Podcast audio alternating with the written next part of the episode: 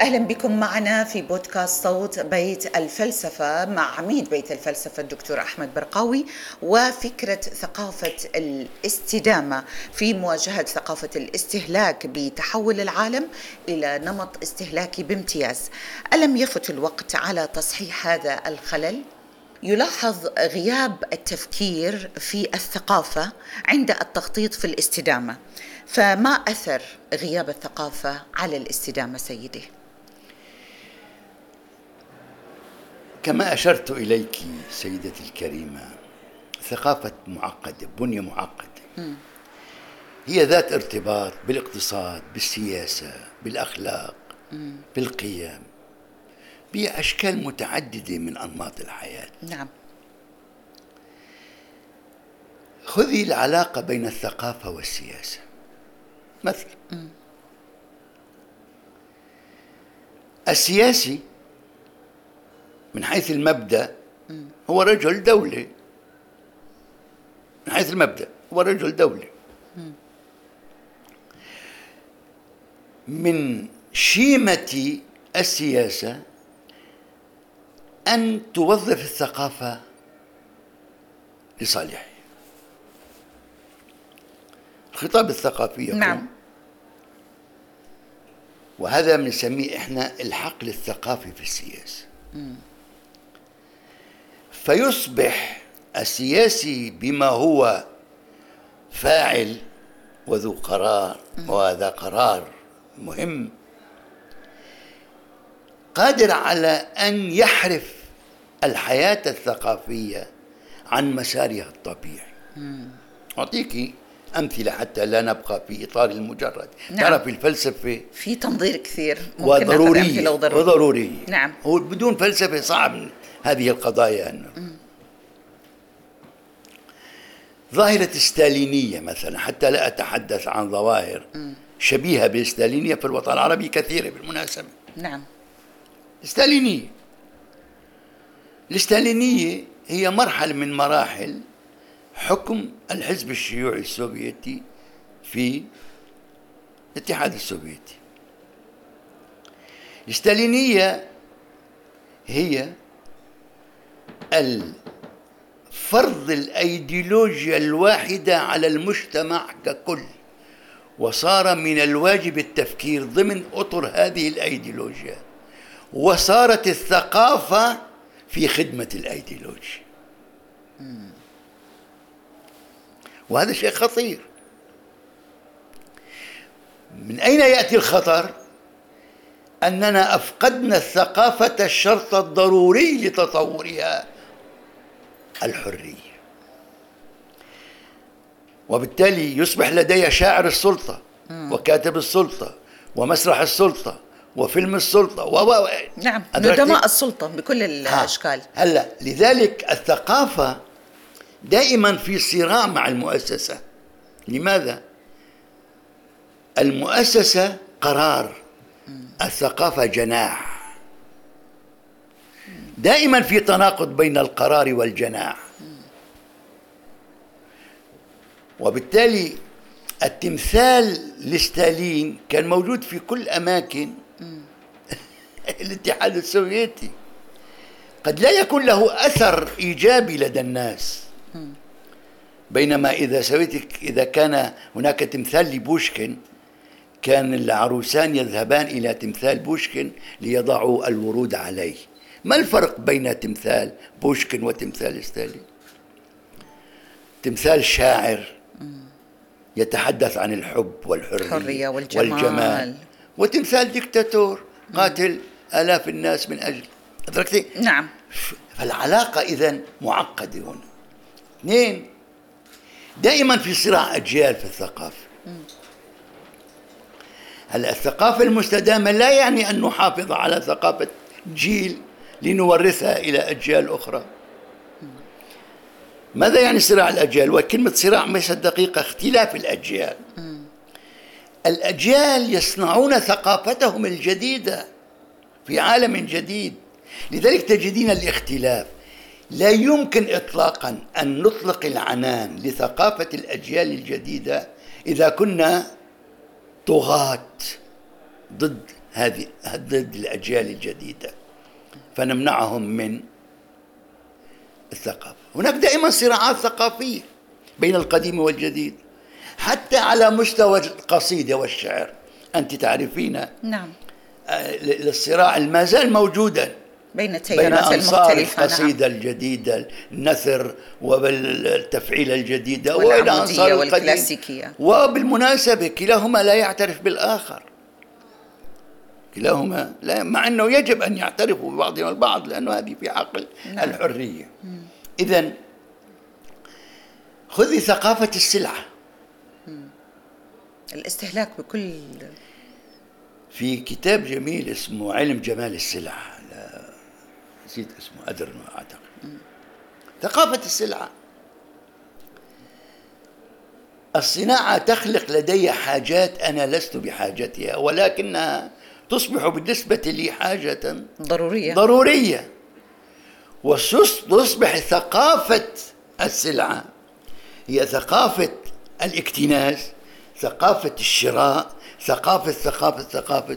وبالتالي لم تعد الثقافة بهذا المعنى مرتبطة بالحاجة الجمالية بالحاجة الأخلاقية بالحاجة نعم. وقس نعم. على دكتور ذلك. اليوم نتكلم عن التنمية المستدامة لم يفت الأوان أو لم يفت الوقت أننا نتكلم عن آه، التنمية المستدامة أمام آه، ثقافة الاستهلاك وخصوصا أن هناك خلل كبير يعني آه، كيف. ممكن قضية صعبة لا تنسي يا عزيزتي أن التنمية الثقافية مفهوم أضيف بعد التنمية المستدامة. نعم. يمكن 1995 مفهوم الثقافة المستدامة بال 87 طلع. وكان محصورا بالحياة المادية. كيف نحافظ بالتنمية على كذا وكذا. نعم. وثم أضيف مفهوم الثقافة المستدامة. لكن مع الأسف لم يعين فلسفيا ونظريا بشكل قوي لأنه هو غامض بالنسبة لهم غامض لماذا؟ العلاقة بالثقافة علاقة محفوفة بالمخاطر لماذا؟ لأن الثقافة هي نمط وجودي هي بيتي الذي أعيش فيه. أليس كذلك؟ نمط نعم. وجودي. ولأنها نمط وجودي خطيرة.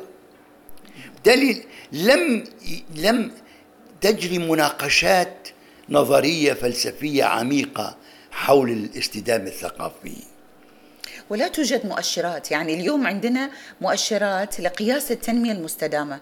لكن هل توجد عندنا مؤشرات مستحيل. ما, هو لقياس ما هي هي المشكلة. أن أنت تستطيعي أن تكممي تكممي تجعل الأشياء كمية لل- لل- لل- لل- للاستدامة الصناعية للاستدامة الزراعية لكن الثقافية؟ كيف بدك تكممي الثقافة؟ الثقافة كيف وليس كم؟ ها؟ لذلك القضية المطروحة أمامنا هي كيف نحول دون أن تلتهم ثقافة الاستهلاك ثقافة المصلحة الثقافة ال- ال- الجوعانة إلى السلعة الخراب الذي أحدثه الإنسان التي بجشعة تخرب العقل البشري وتلقيه في عالم الاغتراب عن ذاته. ما أحد ناقش مشكلة اغتراب الإنسان في هذا العصر الآن. مع أن المشكلة قد طرحها هيجل وماركس وغرامشي وكثير من الفلاسفة طرحوها فكره الاغتراب خذي ثقافة العمل.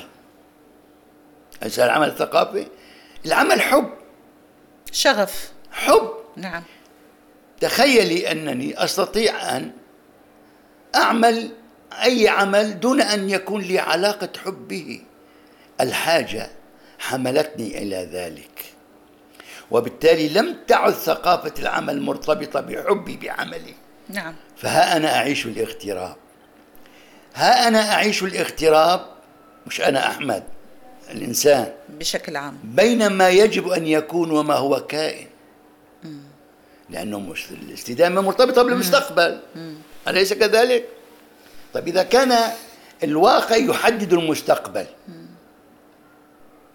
وإذا كان الواقع على هذا النحو من القسوة فما الذي سيكون عليه المستقبل؟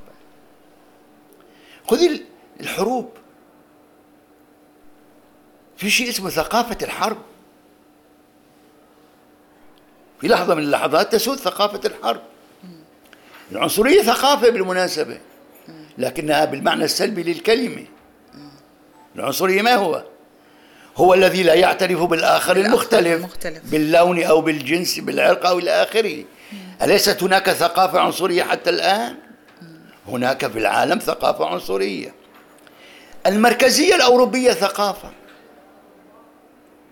المركزية الأوروبية ويلتي هي ثقافة. ثقافة عرق أبيض أوروبي اتجاه العروق الأخرى التي يعتبرها أدنى. وهذه الثقافة تستفزك وتثير فيك فيك غريزة القتال ضد من لا يراك. من لا يراك. هلا لذلك الاستدامة الثقافية أيضا هي احترام لتاريخ الثقافات وتطورها الطبيعي. أنت لا تستطيعي إطلاقا أن تحملي مجتمع وتفرضي عليه ثقافة أنفر عنه. أعطيك مثالا على ذلك. أتاتورك مؤسس تركيا الراهنة المعاصرة.